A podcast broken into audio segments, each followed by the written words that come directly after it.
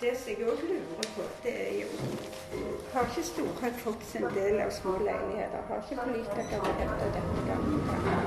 Nå skal de bygge leiligheter her på 39 kvadrat. Du kan ikke kalle leiligheter det bare hybler.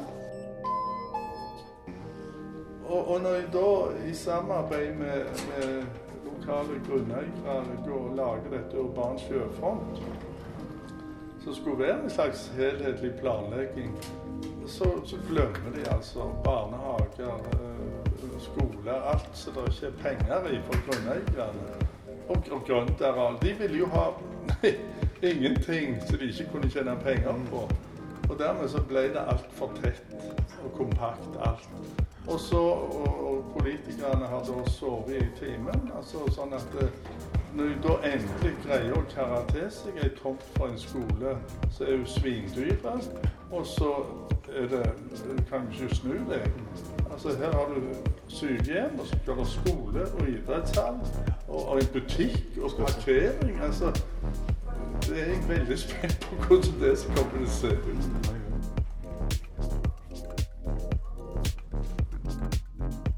Jeg bare tenker det tar ti år før det er utbygd. Altså, det er jo så mye leiligheter for salg. De bygger jo overalt.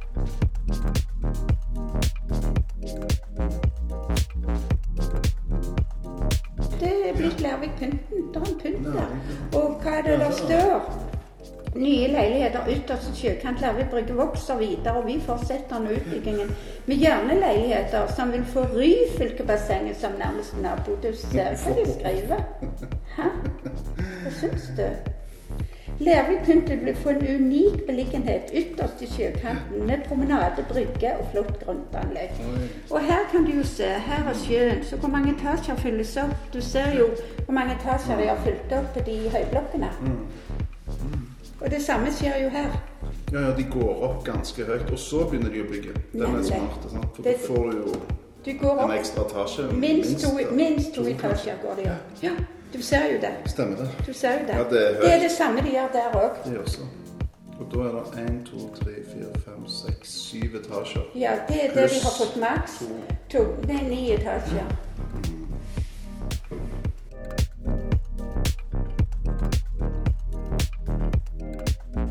Men se, se størrelsen. Fra 39 til 64. Så det er jo de der knøttsmå som har vært på Sireskjær. De har jo vært på en sånn 5-36 kvadrat. Mm. Ja, de er ganske De er jo hybler. Ja, de er ganske crappy. Ja, det er jo det samme. 39.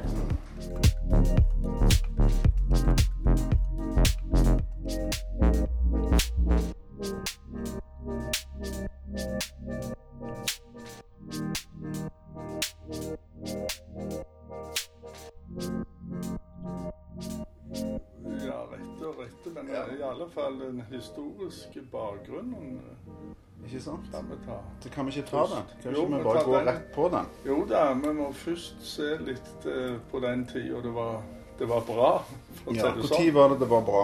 Det var bra etter annen verdenskrig. Altså Eller hvis, hvis vi går litt lenger tilbake eh, i, Hvis du ser på 1920-åra, så ble det bygd lite i Stavanger. Fordi at da hadde vi en økonomisk politikk som gikk på å heve kroneverdien. Mhm. Og da tar du ikke opp lån. Da blir jo det dyrere og dyrere. Så, så dermed så ble det bygd lite. Og så kom 30-åra med arbeidsløshet og, og elendighet og krise. Så ble det bygd lite, og så får du fem års okkupasjon. Da blir det bygd lite, en så å si ingenting. Så i 45 så er boligsituasjonen i Stavanger prekær. Gruoppvekkende, står det i Stavanger Aftenblad. Uh, og, men de får ikke gjort noe, fordi at rett etter krigen så må en jo prioritere uh, bygningsmaterialer og sånt. Og da er det gjenoppbyggingen av Finnmark, uh, sykehus, eh, det ene med det andre. Sånn at eh, de første etterkrigsåra så er det lite boligbygging. Men så eh, blir det en voldsom oppsving.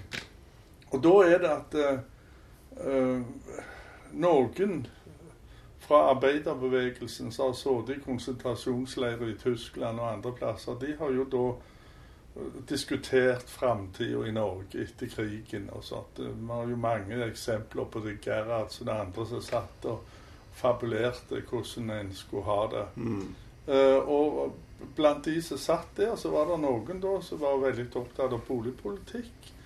Og en visste at en hadde veldig god erfaring med forbrukersamvirke. Og en kjente til at der er det en modell som kan brukes. Eh, en så jo selvfølgelig òg på rett og slett kommunale boliger og den slags som, en, som et alternativ. Som òg har vært brukt i mange andre land, og Mm. der en eh, egentlig ikke eier boligen, men bare leier. Altså Det med å eie boligen er jo ekstremt sterkt i Norge. Men eh, drar ikke lenger til Danmark, så er det en helt annen modell. For folk flest bor i leide kommunale boliger. Eh, Men hos oss er det, er det en lang tradisjon for å eie, og det er det òg i Stavanger. Selv om en bodde trangt, så kunne til og med vanlige arbeidsfolk gjerne greie å ha en egen bolig, og så leie ut Mm. Uh, både loft og, og kammers og nesten sagt, sånn at en greide det økonomisk. Men, men det var for få boliger, og, og, og veldig ille. Mange som ikke hadde boliger. Og så er det at uh, en kommer sammen, og så bruker en da samvirkemodellen og, og, og danner eh, Stavanger Boligbyggelag i 46, rett etter krigen. Mm. Eh, og, og da er det at eh, Interessant å se hvordan jeg kom i gang. For det første så er det produksjonslaget Samhold, som er altså eh, Som ennå har rester av inne i Østre bydel, da, som bygningsmassen. eh, som da var samvirkelagenes produksjonsanlegg. Mm. Det var en bedrift som gikk veldig godt, og var en mønsterbedrift. Og de hadde i eh, mellomkrigstida vært med og finansiert Folkets hus, og så vært med og, og rekonstruert Rosenberg for å skape arbeidsplasser. En fantastisk innretning, en produksjonslag og samhold. Og de la det finansielle grunnlaget for denne Stavanger Boligbyggelag. Mm. Sånn. Eh, og så var det da et, eh, en diskusjon med kommunestyrerepresentanter og Stavanger Sparekasse, som var en sosialt innstilt sparebank. Eh, og så får en da en modell der eh, en ser at eh, ved å med et lite innskudd at en kjøper en andel i dette samvirkelaget, og så får en eh, lån fra Statens husbank, som da var oppretta, eh, og f- billig lån fra Sparekassen, og kommunen bidrar med tomter. Eh, og da- får du den første kimen til det eh, som kalles Stavanger-modellen. Det er at eh, kommunen kjøper opp tomtearealer. I mange andre byer så skjer det i privat regi. eh, Og, og ofte veldig spekulativt. Altså De får fatt i store arealer billig og selger dyrt videre til bolig, eh, de som vil bygge boliger. I Stavanger så er det en klart uttalt mål at en skal hindre spekulasjon. Så kommunen bruker veldig mye penger på å kjøpe arealer som egner seg til boligtomter. Og det er litt av forklaringen til at den myten om at Stavanger by var fattige før olja har oppstått. Mm. Stavanger var ikke fattige, men de brukte pengene til befolkningens beste med å kjøpe eh, tomter, og så overføre de veldig rimelig til boligsamvirke og selvbyggere. Mm.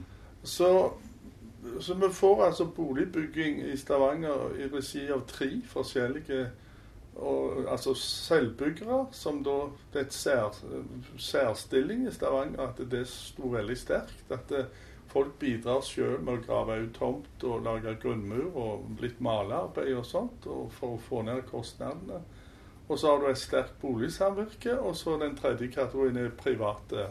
Uh, altså Gjerne en byggmester som bygger to-tre hus og sånn. Mm. Mm. Eh, og alle disse nye arealene som da eh, kommunen kjøper og legger opp til vei, vann og kloakk, eh, de fordeles da der en prioriterer boligsamvirke og selvbyggere først og fremst. Mm. Og da er det at Stavanger Boligbyggelag Første prosjektet deres er jo på slutten av 40-tallet, da en bygger misjonsblokkene. Mm.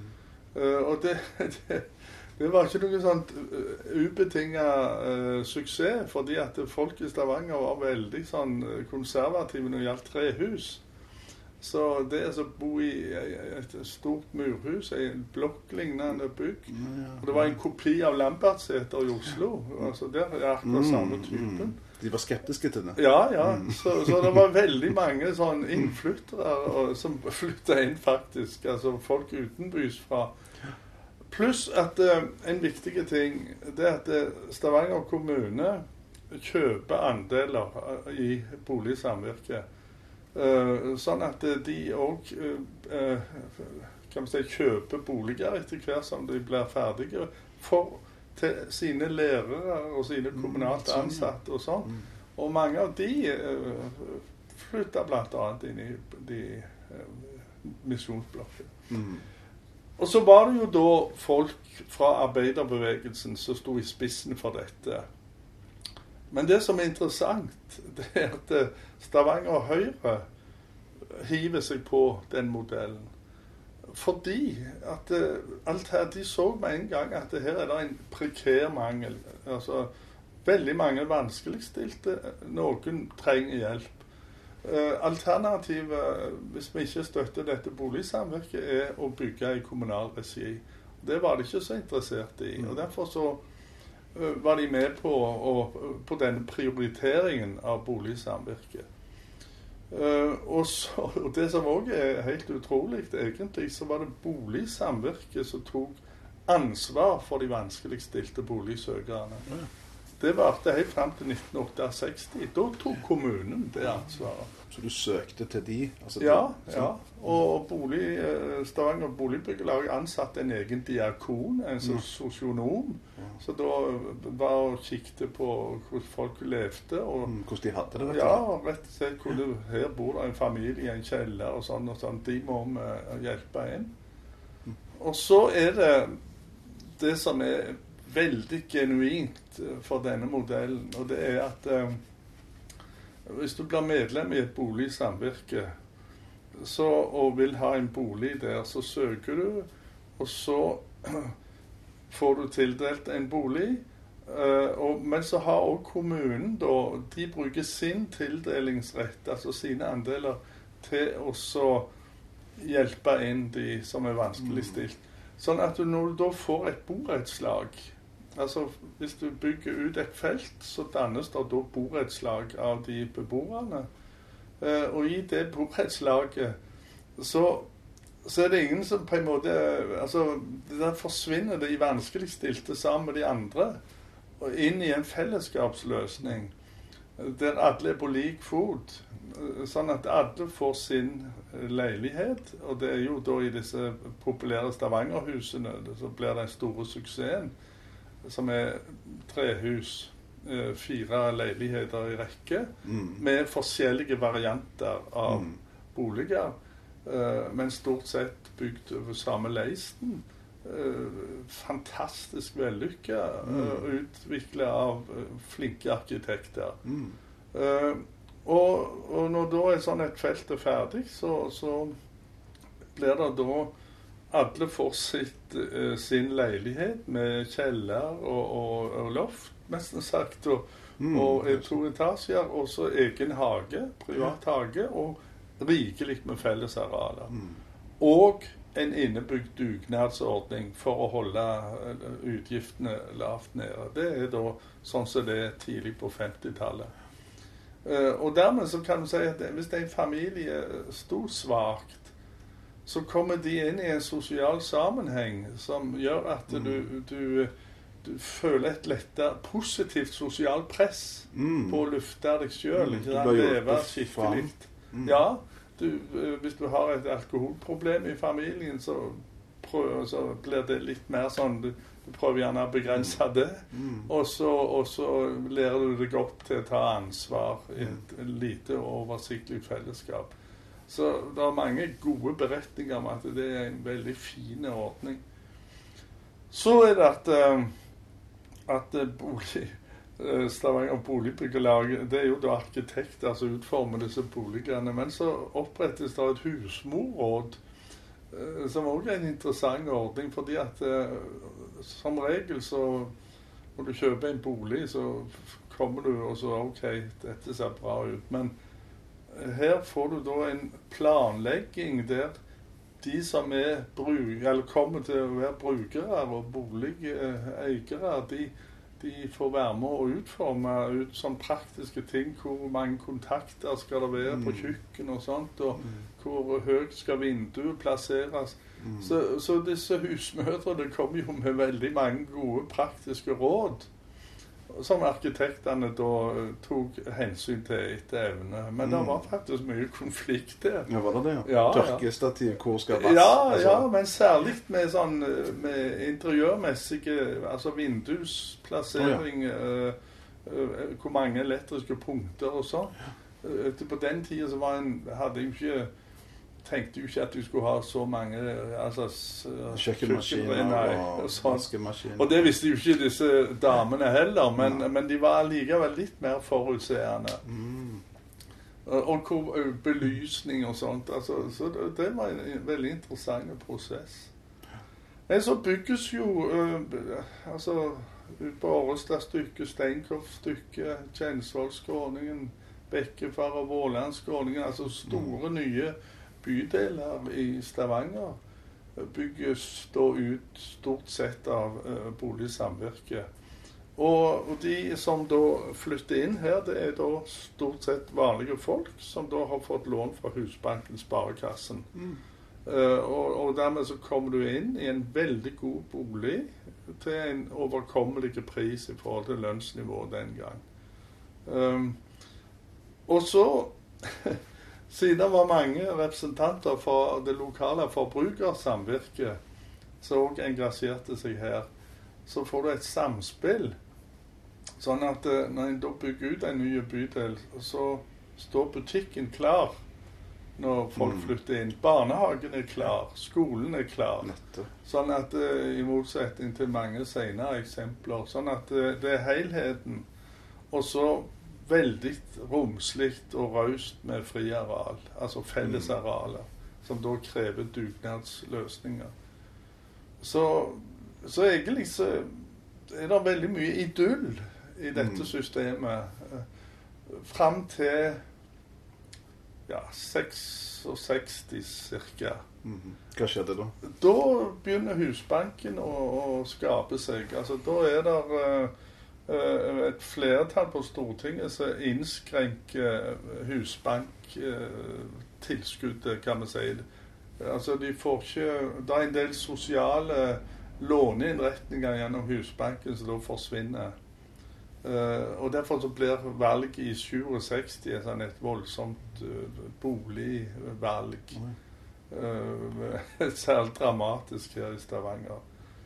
men det hadde og den kritikken som kom, ramma Høyre. Derfor så skjer det jo faktisk da et regimeskifte. fordi at etter kommunesammenslåingen i 65 så hadde jo vi fått mm. borgerlig flertall. Mm.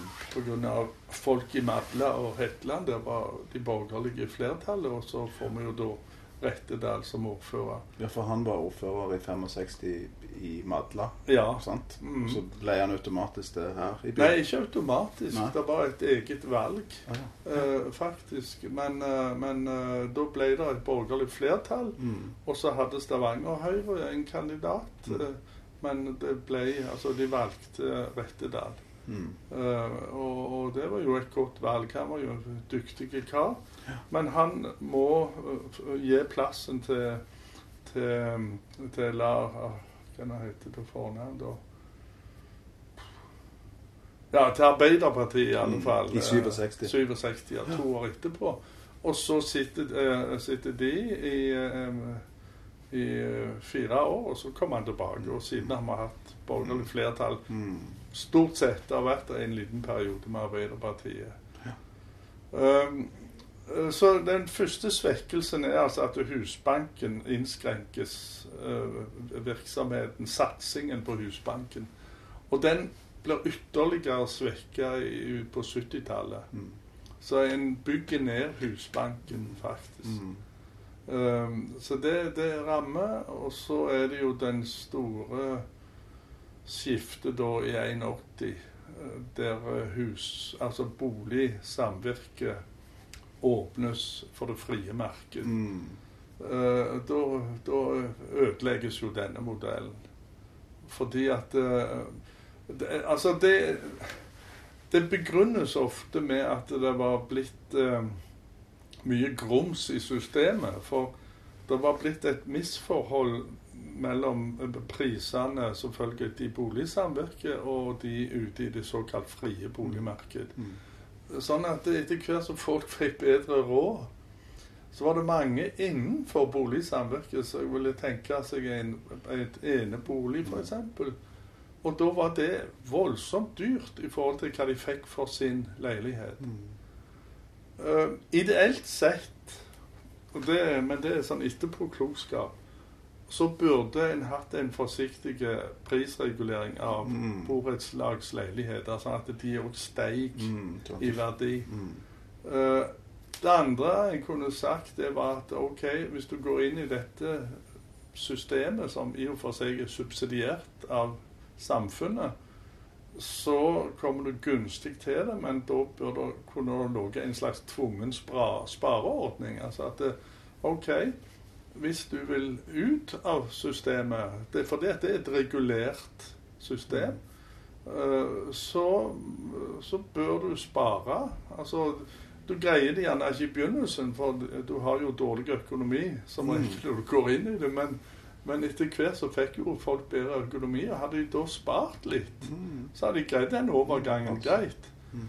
Men, eh, men da ble det, ble det mye sutring, og det er jo selvfølgelig fordi at eh, folk ikke forsto dette. Altså de, de var i en sånn eh, kan man si, var en slags egeninteresse som bare brøt gjennom hele forståelsen av samvirketanken. Mm. Eh, Så, så dermed så, så ble det ødelagt. Og det ble allerede svekka litt av regjeringen Nordli. Så, så han, der ble det òg tatt et første skritt. Og så var det regjeringen Willoch da i 81 som å- åpna dette for det frie markedet. Og da føk jo prisene i været. Mm. Så hvis du skal kjøpe en, en bolig i Stavanger, eller Bate som det heter nå, så, eller Obos, så, Mm. så er det jo ikke så store forskjell. Men den Stavanger-modellen som du spurte om, den er da sånn at en eh, kjøper opp arealer og, og, og lar hovedvekten av utbyggingen skje i boligsamvirkets regi og selvbyggere. Den modellen varer faktisk eh, ganske lenge etter Willoch òg. Altså, Da er det et flertall i kommunen. Og vi har jo et lyseblått Høyre tross alt i Stavanger eh, som, som har sett at dette var en vellykka modell. Eh, og dermed så, så kjøper kommunen fortsatt opp eh, områder til boligbygging, eh, men i 2005 er det vel, da er det Tarstad Rust da. Og da, er kommunen for trege. De tilbyr grunneierne en sum som de ikke er fornøyde med, de som bor der, og eller eier jorda. Kommer private inn før kommunen kan ekspropriere. Altså det, det er rett og slett en slendrian i saksegangen der. Og så får vi den første private feltutbyggingen i Stavanger. Mm. 2005. Ja. Så, så den Stavanger-modellen, den, den var Den var øh, Den varte lenge, og den var veldig vellykka. Og det vi har hatt etterpå, det er jo at politikerne i stor grad har abdisert. De har, de har trukket seg tilbake når det gjelder boligpolitikk, og så har de overlatt til private boligentreprenører Mm. som vi vet har tjent grassat mm. overalt. Mm. I forhold til altså, hva det koster å bygge ut, og hva de får for å selge. Så, Mm. så det er en trist utvikling. Men så er det jo da, hvis en skal gjenreise en sosial boligpolitikk, så er problemet at det er altså ingen, som jeg har registrert i alle fall, som har tro på at det går an å gjenreise en eh, kooperativ modell, altså en samvirkemodell. En kan nok ikke gjøre det med de altså Obos, Bate og de. De får bare fortsette som profesjonelle byggherrer. Uh, og eventuelt, uh, siden de er ikke privat eid, de er jo eikt av uh, de som er med, altså mm. medlemmene. Mm. Så Sånn sett så kan politikerne, hvis de vil, prioritere de og gi de spesielle oppgaver. F.eks. den modellen som Bate prøver ut, dette med leie for eie, mm. som er en god idé. At du, du, begynner med å leie, og så tar mm. du deg inn, og så mm. blir du etter hvert. Det, det, er en interessant modell.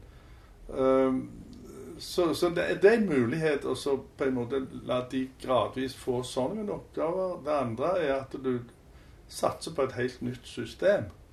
Uh, Alternativet er da enten rent kommunale boliger eller husleiestøtte, bostøtte, altså former for sosial støtte. Problemet der er at du da klientifiserer folk. Altså, mm. Da blir det da blir du B-lag, avhengig av støtte. Mens istedenfor å gå inn med litt hjelp, og så bli likeverdig mm. medlem og på en måte lufte, være med å lufte deg sjøl på den måten som det har skjedd i boligsamvirke. Mm. Mm. Spennende. Eh, hva tror vi om eh, ja, altså Nå snakket du litt om framtida eh, med de utfordringene som er. Men hva tror du om f.eks. sånn som Ap nå er på banen igjen og snakker om eh, en ny eh, sosiale boligpolitikk? Ja. Og skal liksom sette fokus på det. Og det er sant, rekordmange fattige i Stavanger. 100 familier som sliter, mm. osv., osv. Hva, hva tenker du om det? Ja, altså Det er bra at de begynner å tenke. Altså fordi at uh, her i Stavanger så har vi òg en erfaring med at vi har um, snakket med to tunger, for å si det sånn. Fordi at uh, selv om en hadde som målsetting å hjelpe vanskeligstilte, så gikk det veldig seint. Og, og, det gikk faktisk seinere pga. olja. Altså En skulle tro at okay, det, det, alt var jo bra fordi at vi fikk mye mye mm. sterkere økonomi pga. olja. Og det er riktig. Men i den første fasen av oljealderen så la en seg jo flat for oljeselskapene. Sånn at eh, Stavanger kommune brukte da sin eierandel i boligbyggelaget til å så nærmest kjøpe opp alt som ble bygd et par mm. år, mm. for å gi til oljeletere i 67 og sånn. 60 år, slutten av 60 år. Uh, og da altså, og Vi kjenner jo den der berømte om Slåtthaug og Rettedal med mm. flammekaster og alt det der. Det, jo, det høres flott ut, men eh, medaljens bakside var at de som bodde i nødbrakker fra første verdenskrig, mm. mm. som var tenkt for å være en midlertidig løsning i 1916-17, de sto jo til 1970. Sto de så lenge? Ja. Så både på Bakkeland og inne på Sletta f.eks. Altså det, var, det, det var i skam. Så til og med Høyre-politikeren Lars Våge sa jo at boligsituasjonen i Norge er byens verste skam. Mm. Og det sa han veldig seint, faktisk. Jo, eh, på tidlig på 70-tallet, vel. Og, og så, så, kan jeg si at um, selv om en hadde en sosial boligpolitikk, så var en i en situasjon at en òg måtte tilgodese oljeselskapene. Og dermed så gikk veldig mye av den nye boligbyggingen som egentlig skulle da gi rom for uh, de innfødte, det, de ble da lagt ut til de som kom tilreisende for å lete og, og være med i oljeeventyret. Mm. Nei, så Det at de tar opp tråden, er veldig bra. Men eh, det er veldig interessert i å se hva slags modeller de da kommer opp mm. med. Altså konkret hvordan det skal gjøres uten at det blir sånn mest en slags sosialhjelpsmodeller. Mm. Det er jo ikke noe særlig. Når jeg så Senterpartiet òg hadde, hadde, reist det som et eget punkt, ja. I Oslo, altså. Mm. Sentralt. Ja. Så det er nok noe på gang.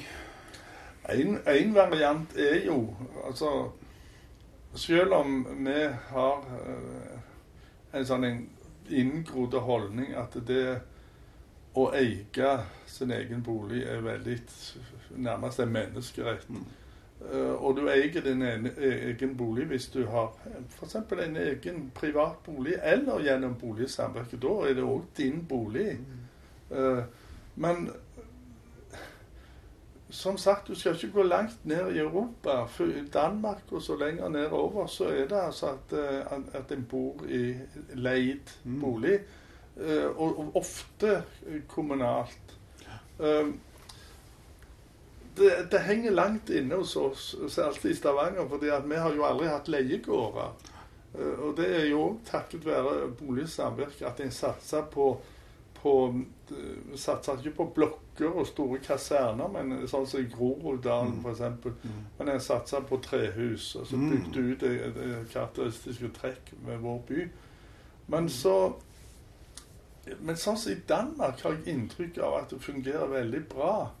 At du, du du har gode kommunale boligkomplekser som en da leier for livet, rett og slett. Og, og, og det er Mm. helt greit.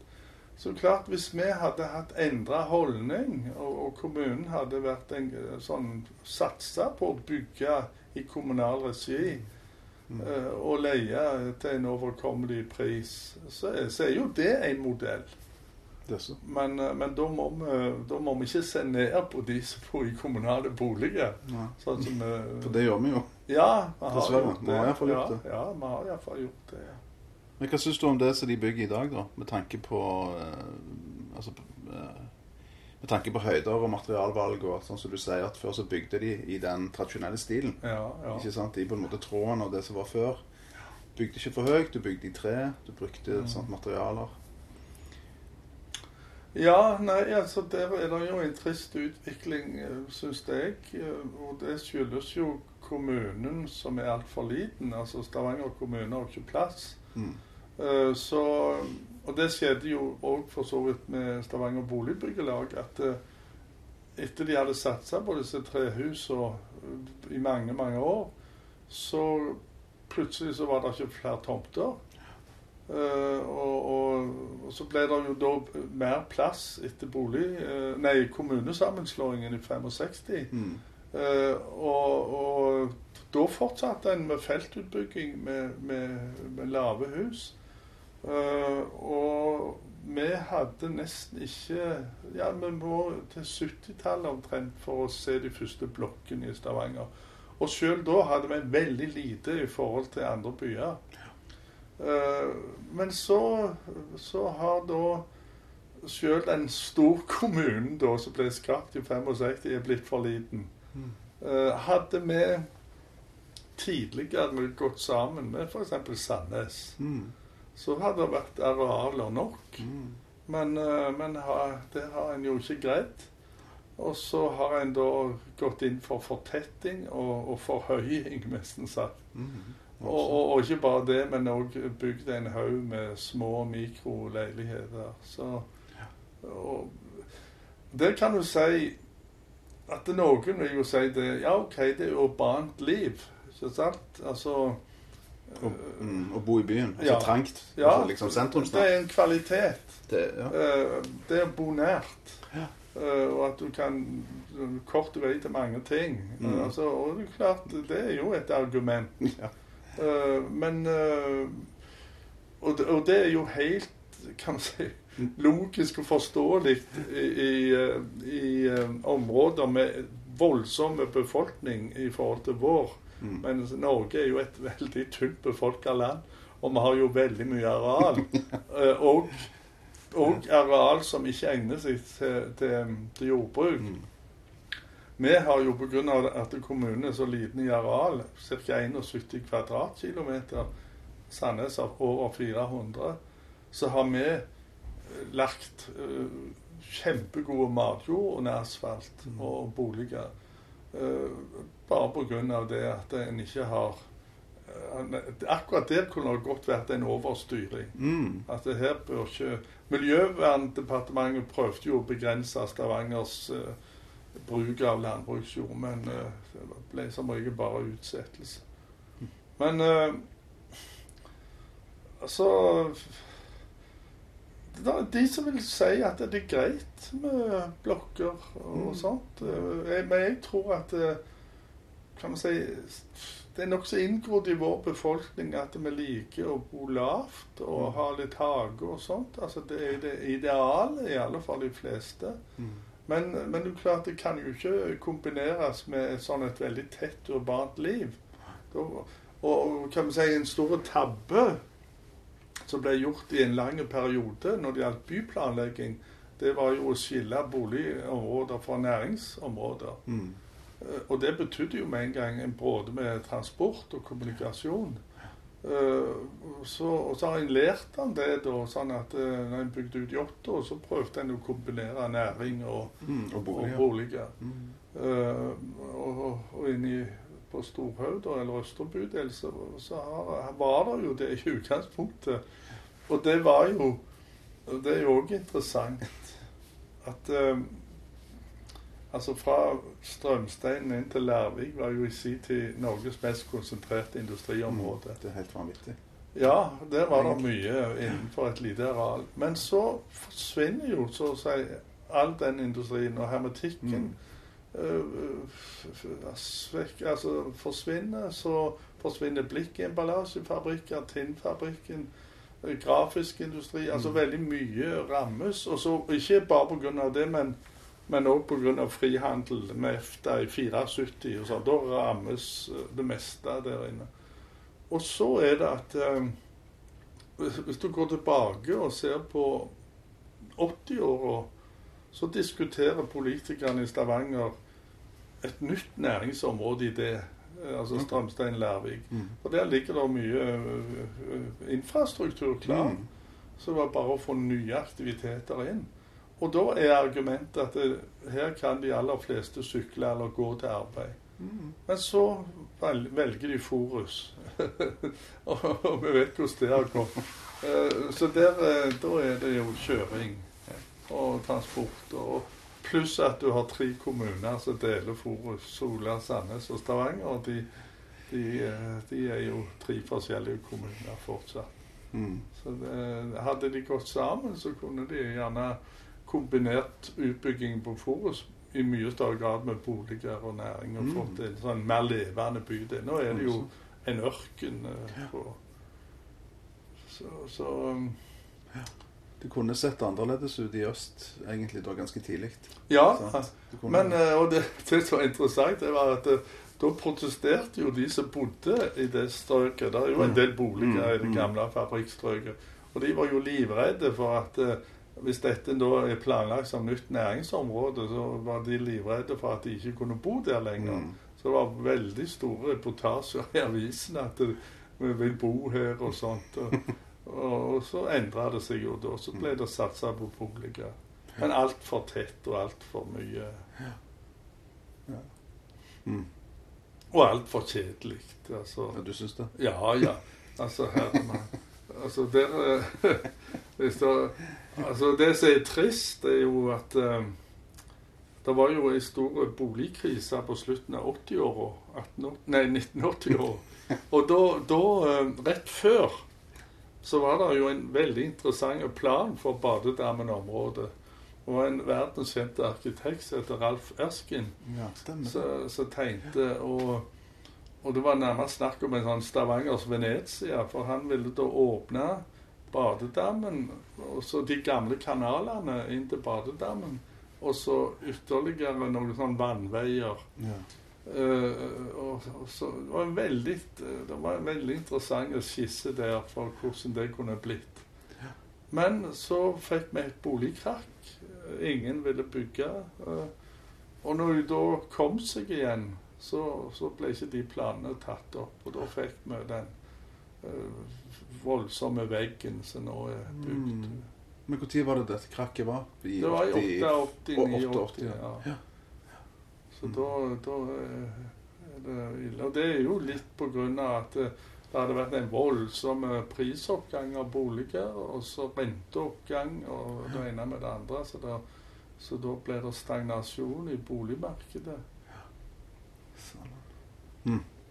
Ja, interessant. Jeg snakket med en beboer nede i Lærvik faktisk, som nevnte den planen, de tegningene hun hadde sett en gang Ja. i avisa. Hun visste ikke plan, om, det var en norsk arkitekt eller hvem det var, men hun, hun har snakket om det. Jeg sitter Ja. Rigmor. Ja, Det så ut som Venezia, det var Ja, så det var- fantastisk. Ja.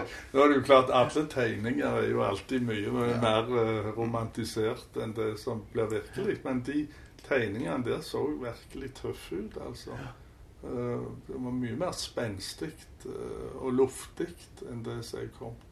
Ja, nå, ja, der nede er Ja. helt gale. Men hva syns du om, om, eh, om Lærvik, da? Om, om, eh, om området Breivik og nede i Lærvika der med brannstasjonen og utfylling og skole og idrettshall og Ja, nei, altså alt dette er et utslag av at Stavanger kommune er for liten. Du kan ikke snu deg. Altså Her har du sykehjem, og så skal du ha skole og idrettshall og, og en butikk og parkering. Altså, det er jeg veldig spent på hvordan det kommer til å se ut. mm. Eh, Og, der har du òg det altså den tegningen de har lagd her. Man ser jo ut som en skog. For det, det er så lurt. At, og så, så skal jeg se denne fantastiske tegningen her. Og, man, og så lager de grønne tak, og dermed så får du en illusjon om at dette kommer til å se nydelig ut.